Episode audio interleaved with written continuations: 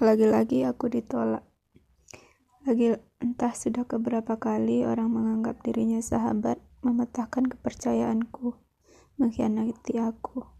Kita sama-sama terus ya. Itu adalah perkataan terbodoh yang pernah aku dengar dan terlanjur aku percaya. Pada akhirnya, setelah ini mereka hidup masing-masing. Tak ada yang menyimpan nomor pribadiku, tak ada yang mengundangku ke perayaan penting membahagiaan di hidup mereka. Ternyata, iya, aku bukan siapa-siapa. Dari dulu, ada atau tidaknya aku tak berpengaruh apa-apa. Aku tak yakin apa salahku. Sepertinya, mungkin aku hanya salah tempat. Ini realita. Lagi-lagi aku ditolak. Lama singgah di bumi tak menjamin seseorang mudah diterima. Ide-ide dan kerja kerasku tak pernah sekalipun digugu. Cerita-ceritaku hanya dianggap angin lalu, keberadaanku nyaris seperti hantu. Aku malu merasa tak berharga, ingin rasanya protes, tapi mulutku bungkam tanpa suara. Aku lebih memilih pergi dan tersenyum, getir. Penolakan demi penolakan ini membuat hatiku pilu dan bertanya-tanya, apa aku saneh itu sampai diabaikan? Apa aku semencicikan itu? Segala yang kulakukan masih belum baik di mata mereka. Aku harus mengubah diriku menjadi seperti yang mereka mau, meski itu sakit. Aku ingin jadi orang asik yang ditunggu-tunggu kedatangannya. Tapi lagi-lagi aku heran. Kukira ditolak adalah kenyataan yang paling menyakitkan tapi diterima dengan terpaksa ternyata jauh lebih menyakitkan.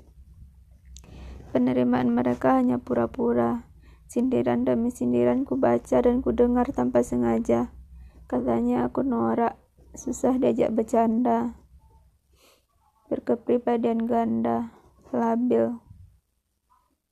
Mungkin Tuhan ingin aku tahu kenyataannya, bahwa aku bukan yang terbaik buat mereka. Mereka mungkin juga bukan yang terbaik buat aku. Aku berusaha menerima itu sebab aku tak mampu memaksa orang lain untuk menerimaku. Ada skenario panjang dalam kepalaku. Aku harus diterima semua orang dengan segala prinsipku. Tapi aku tidak pernah menerima orang-orang dengan segala prinsip mereka, termasuk hak mereka untuk mengabaikan aku. Aku memilih caraku sendiri untuk bersahabat. Aku menjabat diriku, menyapa suatu waktu. Lalu aku menangkap tatapan merah itu di cermin.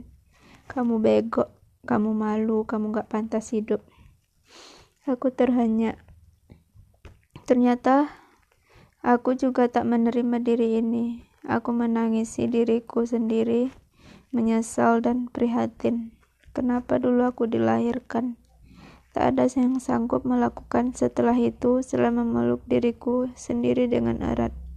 Tak mengapa aku ditolak seisi dunia. Yang penting aku menerima dunia dalam diriku. Tak mengapa aku tak diterima. Yang penting aku tak menolak kesempatan untuk selalu belajar menerima.